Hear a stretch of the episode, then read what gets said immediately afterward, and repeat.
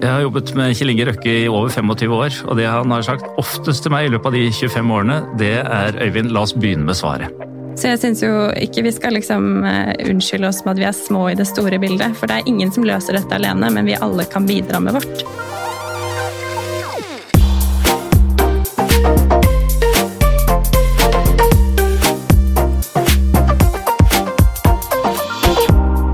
Skal vi lykkes i morgen, må vi ta gode beslutninger i dag. og Derfor har vi invitert noen av landets mest toneangivende mennesker for å snakke om temaer vi vet vil forme livene våre fremover.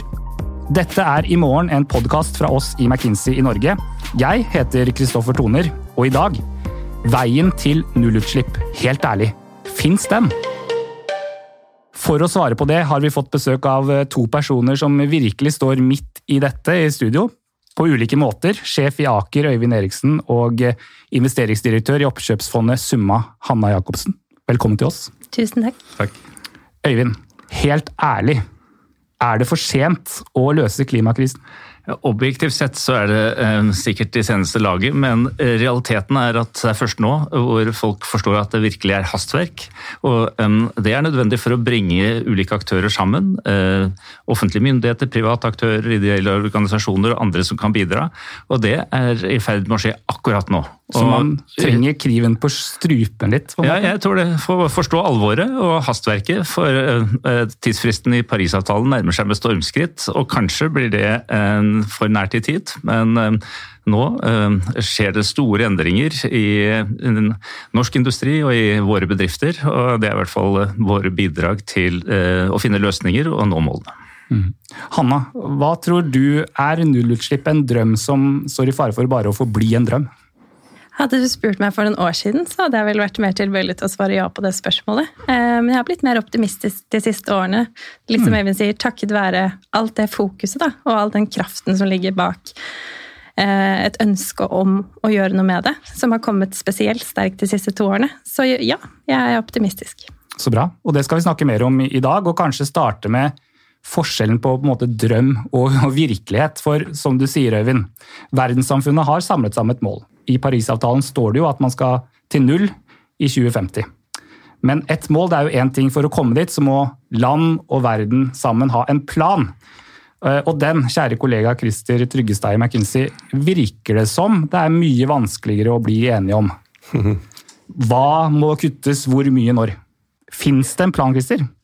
Det er et veldig godt spørsmål, Kristoffer. og for første, Det er ingen som hevder at dette kommer til å bli lett. Selv ikke for Norge kommer dette til å bli lett. Vi snakker om en økning i hastigheten på å redusere utslippene tre til fire ganger det vi har sett de siste 20 årene. Så, så, det er en krevende reise, men det å ha et mål er en veldig veldig viktig start på den reisen.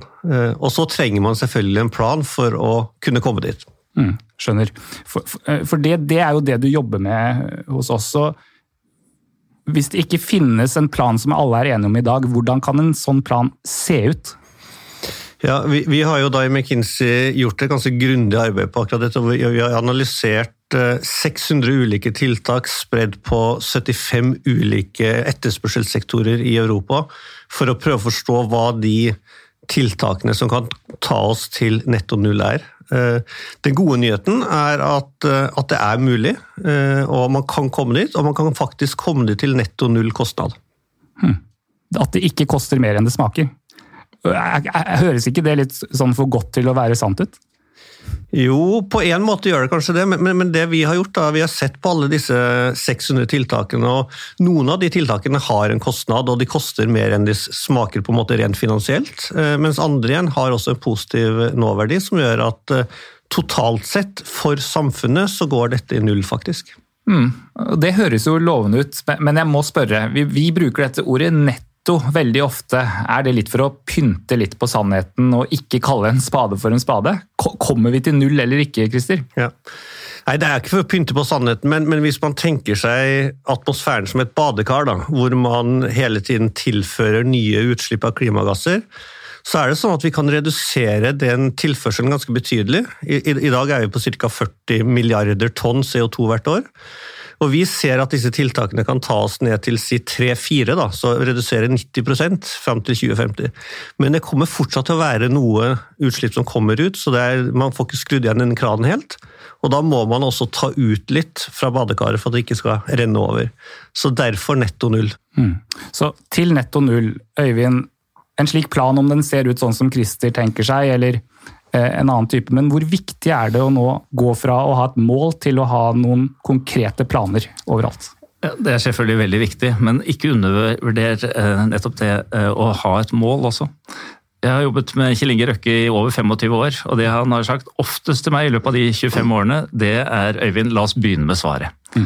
Og det utgjør en så enorm forskjell når du har et tydelig mål eh, og skal gjennomføre endringer. Og veldig ofte så har vi definert målet og ikke ant hvordan vi skal komme dit, men på en eller annen merkelig vis så har vi funnet veien fordi vi hadde et tydelig mål.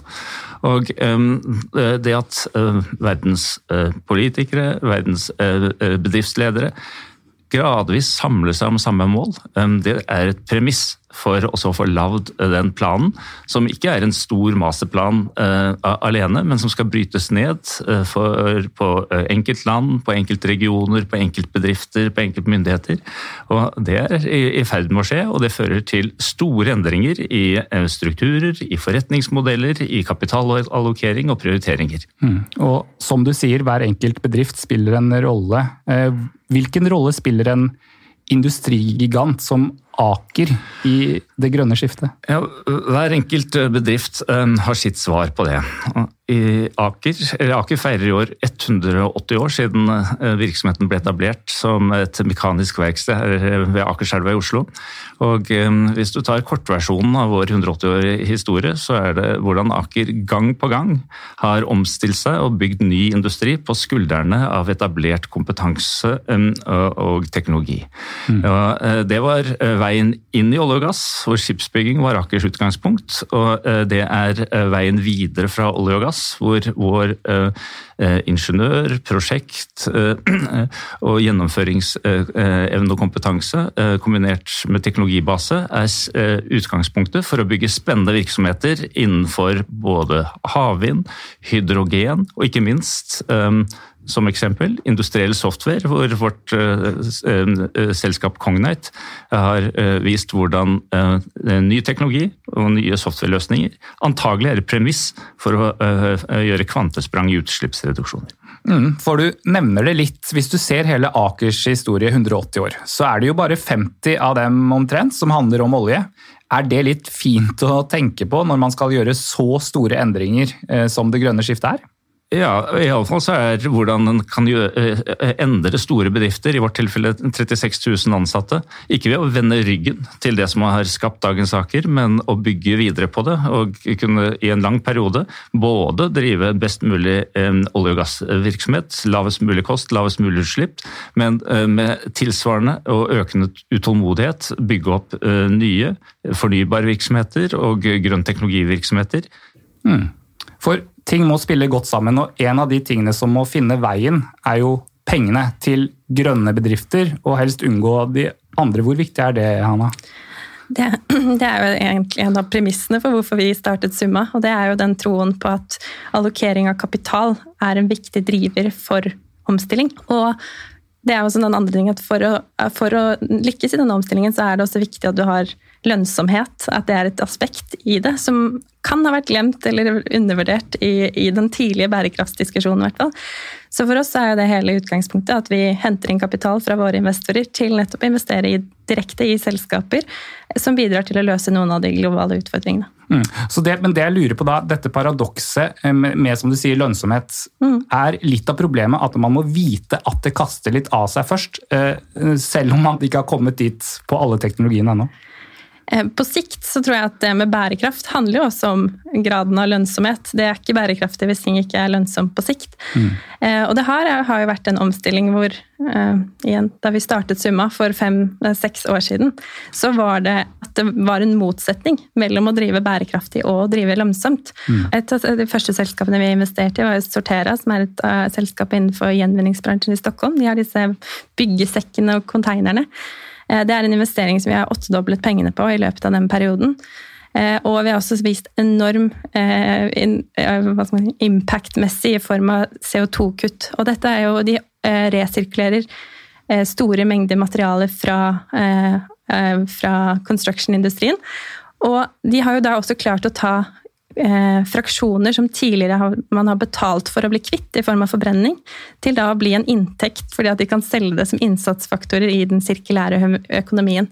Så det er jo ett av mange eksempler som vi da både har bevist hvordan vi kan ta, gjøre ting mer sirkulært, og den impact-messige delen, spesielt på CO2-utslipp, og hvor mye CO2 man har unngått å slippe ut pga. Mm. den sirkulære trenden som de har virkelig vært med å akselerere. Og også hvor vi har vist fin fantastisk finansiell avkastning for investorene våre. Mm. Og så sier dere, som jeg har lest mange ganger og mange steder, at dere bruker FNs bærekraftsmål når dere bestemmer hvor dere investerer. Mm. Eh, hva betyr det i praksis? Eh, det betyr egentlig at eh, altså Purpose vårt er jo å investere i å løse de globale utfordringene. Og hvis du tenker på de 17 bærekraftsmålene som kom ut i 2015, så er det egentlig 17 problemer som verden står overfor. Mm.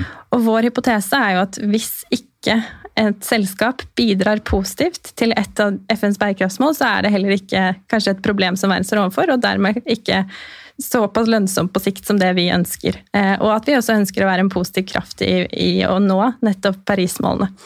Så eh, vi bruker det som et rammeverk både for å eh, screene ulike industrier og selskaper, og så bruker vi det også aktivt i vår bærekraftsrapportering, hvor vi alle selskapene våre viser konkret hvordan de bidrar positivt til utviklingen av det enkelte bærekraftsmålet, som er materielt i forhold til deres virksomhet. Og dere, Øyvind Hanna, dere kommer jo fra ulike ståsted nå. Summa som ble grunnlagt på en bærekraftsidé, Aker med sin 180 år lange historie. Eh, og Øyvind, hos dere er jo oljeselskapet Aker BP fortsatt kjempen i porteføljen. Blir du av og til møtt med det som et paradoks, hvis dere skal være en motor i det grønne skiftet? Ikke i dag, men um, da vi gikk inn i 2020, så var det um, ganske mange investorer, analytikere og andre som sa til meg at Øyvind, um, Aker BP er jo så dominerende i porteføljen at dere er jo i ferd med å bli som gruppe et uh, eneste stort oljeselskap. Så gjorde vi eh, mange eh, for oss viktige endringer, ikke minst etablere Aker Horizons eh, i juli i fjor, med en spennende portefølje av fornybare virksomheter og grønn teknologivirksomheter. Og vi gikk ut av året hvor de samme aktørene satte med wow, Aker er virkelig rollemodellen på en grønn omstilling, og har satt et eksempel til etterfølgelse. Så jeg tror det eh, dreier seg om i bunn og grunn å være ærlig i forhold til utgangspunktet. Eh, og forstå oppgaven på kort og lang sikt. Og bygge på eh, fundamentet når du også skal med eh, kraft og troverdighet gå inn i nye eh, virksomheter som krever enormt med kapital, enormt med innovasjon for å få ned kostnadene. Men hvis du har de riktige menneskene med deg, så har Norge gang på gang vist, også i andre næringer, at vi klarer å flytte fjell, og det ønsker Aker å være med på også i denne grønne omstillingen. For Christer, Vi har snakket en del om dette i korridorene, og jeg vet at du er utålmodig eh, med tanke på Norge. Altså 2050 er jo et kort deadline. Men, men, du tror at vi skulle gjøre det litt fortere, til og med? Ja, eh, jeg har jo lansert eh, den ideen med, med Norge på halve tiden. Og nå, nå er 2050 uansett ganske ambisiøst, men, men, jeg tror for Norge så er det både en mulighet, men kanskje ikke minst en tapt, tapt mulighet, om man ikke forsøker å gjøre det enda raskere. Og Hvorfor er det mulig for Norge? Jo, jo, det er mulig for Norge fordi vi har et veldig godt utgangspunkt. Vi har allerede eh, et elektrifisert samfunn i en stor grad. Vi har ren elektrisitet, og vi har god energieffektivitet. Og så har vi, som Øyvind også sier, vi har et, tillit et tillitsbasert samfunn som også er veldig viktig for å få dette til å skje. Så vi har en mulighet til å oppnå dette raskere enn andre. 70% av de tiltakene Europa må gjøre de neste ti årene for å komme i retning av netto null, har vi faktisk allerede gjort. Så ikke bare er det 2050 og netto null, vi skal gjøre det på halve tiden. Hanna, er det litt sånn unødvendig press og skrivebordsarbeid som du tenker på det, eller er det bra å reise ambisjonene enda høyere? Jeg tenker at Hvis det er noen som skal være ambisiøse på dette, så er det Norge. gitt akkurat disse punktene som Christer og Øyvind var igjennom. Og jeg tror Vi er de med desidert best eh, utgangspunkt for å klare det. og Hvis ikke vi klarer det, så er det jo veldig vanskelig at resten av verden skal få det til. Mm. Men Øyvind, det er kanskje greit at det er 2050 som offisielt gjelder som en slags første milepæl? Jeg tror det er viktig å ha en milepæl, en dato, uh, uansett. Uh, og så får vi jobbe sammen om å realisere 2050. Men det viktigste er tross alt at retningen er satt, og at alle gode krefter jobber for å realisere målet. Og jeg nevnte så vidt Statkraft. Vi snakker ikke så ofte om det, men det er altså Europas største fornybarselskap med mm. en enorm posisjon posisjon til å eh, bidra både hjemme og ute i denne omstillingen. Og Når de eh, ikke bare utvikler sin egen virksomhet, men favner bredere og tar ansvaret også for å bidra til at eh, Norge skal posisjonere seg innen nye næringer som hydrogen, havvind, så tror jeg vi kan lykkes. Også på halve tiden på hjemmebane. Ja, altså Utfordringen er akseptert, egentlig, sånn jeg hører det? Ja, men det jeg håper inderlig Nå går vi inn i en valgkamp. Ja. og Jeg håper inderlig at våre um, folkevalgte ledere også um, ser denne muligheten og um, engasjerer seg. Fordi alle er enige om uh, målet, men skal vi få ting i gang, så må det samme skje på disse områdene som skjedde da vi satte i gang olje- og gassindustrien. Og, ting, og det er at en har en felles ambisjon og um, uh, finner gode virkemidler for um, å få i gang innovasjon, prosjekter, uh, kompetanseutvikling uh, og um, gradvis industrialisere nye næringer, slik at de står på egne ben. Mm. Men så kan vi være ambisiøse på vegne av Norge, som jeg opplever at alle dere tre er. Mm. Så er det jo selvfølgelig det klassiske spørsmålet som kommer da, er jo spiller det noen rolle med Norge? Eh, som er et lite land, vi kan gå foran, men India og Kina f.eks. fyres opp av kull. Mm. Vi har jo, altså igjen, hvis, hvis, vi kan gå foran, ta en del av som sier, enten det er på teknologi, på å teste ut disse tingene og være et foregangsland på det, så har vi også de samme landene som du nevner, vist at de lett kan kopiere og komme etter. Så jeg syns jo ikke vi skal liksom uh, unnskylde oss med at vi er små i det store bildet, for det er ingen som løser dette alene, men vi alle kan bidra med vårt. Hanna og Øyvind, hvorfor bryr dere dere om klima? Hanna, du jobber jo i et oppkjøpsfond, og mange mener jo mye om finansbransjen. Opplever du at noen stiller spørsmål ved ektheten av engasjementet ditt fordi du jobber et sted som ja, til sjuende og sist helst skal tjene masse penger? Ja, og det der har også endret seg veldig over tid. Eh, tilbake i 2015, da vi skulle sette opp summa, så var skepsisen blant investorene enorm. Tilbake, Det var veldig få som liksom skjønte tegninga helt. Og vi måtte bruke mye tid på å forklare koblingen mellom lønnsomhet og avkastning. Og at ikke det er et kompromiss eh, mellom avkastning og, avkastning og, impact, men vi heller tror at de selskapene som virkelig kan bidra til å løse utfordringene, vil ha økt vekst, økt lønnsomhet, og sånn sett også levere økt avkastning. Så første, Da vi hentet vårt første fond i 2016, så var dette en hurdle for oss. En, eh, mm. Og da vi hentet vårt andre fond i, i 2019, eh, så var det vel kanskje noe mindre skepsis, også fordi de så hvordan porteføljen vår i det første fondet utviklet seg. Og nå eh, kan vi jo si at interessen har eksplodert eh, for det vi gjør, også fra et investorperspektiv. En kombinasjon med den generelle samfunnsutviklingen som vi har sett, men også fordi at vi har jo nå kunnet bevise Vi har jo forvalter i dag 14 milliarder, har 14 selskaper i porteføljen, som alle har vist da også hvordan de både utvikles over de siste fem årene, men også gjennom den krisen vi har vært gjennom de siste halvannet året i form av, av pandemien. Så bærekraft er ikke vinduspynt lenger? Absolutt ikke. Det er eh, strategi, og hvis ikke den forstår og tar inn over seg eh, hvor viktig det er for verdiskapning på lang sikt, og uh, investorers valg av selskaper og allokering av kapital, så um, uh, tror jeg det er veldig veldig vanskelig å lykkes i årene fremover. Mm. Øyvind, hva er det som får deg til å stå opp om morgenen og tenke at i dag kan vi faktisk gjøre noe som løser klimakrisen? Vel, først og fremst så er det veldig inspirerende, men også god forretningsutvikling å jobbe med de store og vanskelige um, temaene. Um, og kompleksitet har alltid utfordret um, uh, Aker som organisasjon. Og nå står vi eksempelvis midt oppi en flytende havvind, som mm. er i en tidlig fase, som i dag uh, er for kostnadskrevende, men som vi ønsker å bidra til å utvikle på et vis som industrialiseres, og som får en tilsvarende kostnadsutvikling som det du har sett innenfor andre um, fornybarsegmenter. Mm, så du, du, våkner ikke av og til om morgenen og tenker 'dette går ikke'? Jeg tenker ganske ofte at uh, enkelte av disse uh, nødvendige initiativene kan komme til å kreve mer ressurser og ta mer tid.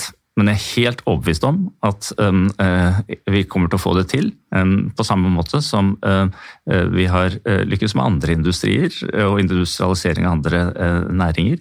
Både som nasjon og som selskap. Men så er det jo noe som mangler. Det er mye som er ugjort. Og da er spørsmålet hva nå, hva er det som er løsningen for å akselerere dette? Hvis du skulle gitt råd for å starte der, Øyvind, hva er det viktigste norske bedriftsledere og myndigheter kan gjøre for å akselerere arbeidet innenfor det grønne skiftet? Bringe aktører sammen. Vi kommer aldri i mål hvis ikke en dyrker samarbeidets kunst.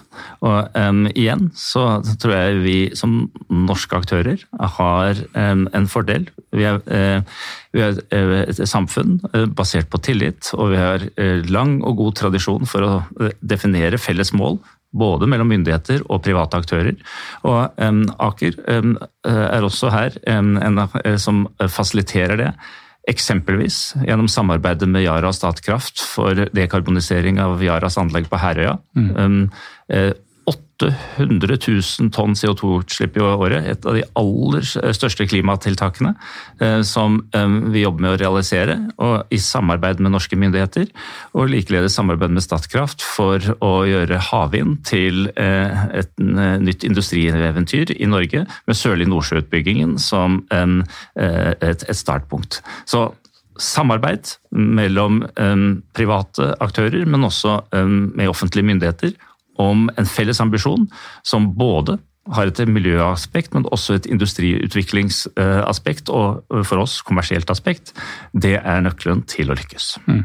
Hanna, hva er den ene beslutningen du mener at beslutningstagere i Norge må ta for å eh, løse, eller være med på, å løse klimakrisen? Jeg tror veldig på det som en forlengelse av rapportering, at du faktisk får eh, sette en pris og kostnad, kostnad på eksternalitetene. Det ikke, bør ikke være gratis å forbruke de ressursene vi har, eller slippe ut ting. Eh, og, det tror jeg på at Hvis du får den bevisstgjøringen for selskapene, og at de også får en kostnad ved å gjøre ting som bidrar negativt, så tror jeg det kan eh, virkelig få fart på sakene. Mm. Og netto null har jo hittil handlet om CO2. Jeg må ta med dette, for jeg vet at dette er et av dine yndlingsbilder, Christer. Eh, fordi, fordi, eh, det er jo andre utslipp. Det er andre utslipp også.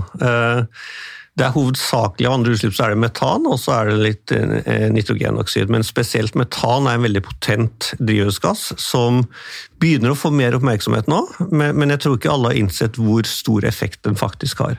Så jeg, liker å ta den analogien med, med, Eller det er to hovedkilder for metanutslipp. Det er eh, da eh, husdyrhold, eh, hovedsakelig kuer, rødt kjøtt. Og så er det utvinning av eh, olje, gass og kull. Hvis vi tar den første, da, kuer, og så sa man at man tok alle kuene i verden og lagde et land med kuer, så Kingdom of Cows.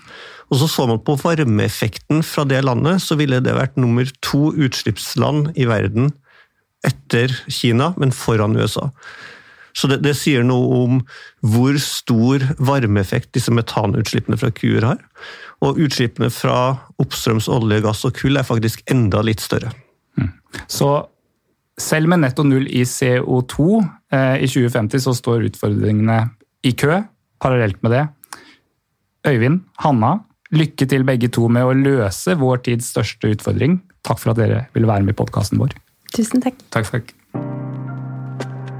Christer, det er to personer som står midt i krisen med mulighet til å påvirke, egentlig. Mm. Gjorde samtalen deg eh, optimistisk? Ja, den gjorde, gjorde, egentlig det. Første hadde jeg ikke trodd at Øyvind skulle ta oppfordringen om halve tiden. Eh, men, men, men, det andre, jeg må jo si at kommersielle aktører, kommersielle selskaper og investorer har bidratt faktisk mer enn, enn man kunne forvente i, i å starte denne trenden.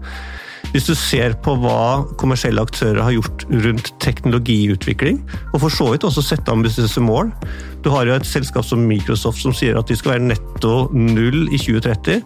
Og de skal være netto null i et historisk perspektiv i 2050. Dvs. Si at de skal ha fjernet like mye CO2 fra atmosfæren som de har tatt inn i mm. atmosfæren i hele sin levetid. Så ja, jeg er optimistisk. Bra, men du skal likevel få det samme spørsmålet som eh, de fikk. Hva er den ene beslutningen som bør tas i dag, som virkelig kan få fart på klimaarbeidet og ruste oss for i morgen? Ja, så, så tror jeg ikke Jeg tror egentlig ikke det er én beslutning. Jeg, jeg tror det er et antall beslutninger både innenfor teknologi, finansiering, investering og regulering. Mm. Hvis jeg likevel skulle valgt én, så ville jeg valgt akkurat det samme som Hanna. Som er det å prise eksternaliteten som disse utslippene er. Eh, for en global prising av CO2 og eventuelt andre klimagassutslipp. Mm. Så vi trenger samarbeid i Norge og i verden. Christer, tusen takk til deg også. Det var alt vi rakk for nå. Neste episode skal handle om at de sosiale forskjellene øker i hele verden, også i Norge, og pandemien har ikke gjort det bedre. Så hva gjør vi da når de som sleit med å få delta i arbeidslivet fra før, er enda lenger unna nå? Eier i Ferd, Johan H. Andresen og sosialentreprenør Ahmed Hassan kommer i studio. Ha det så lenge.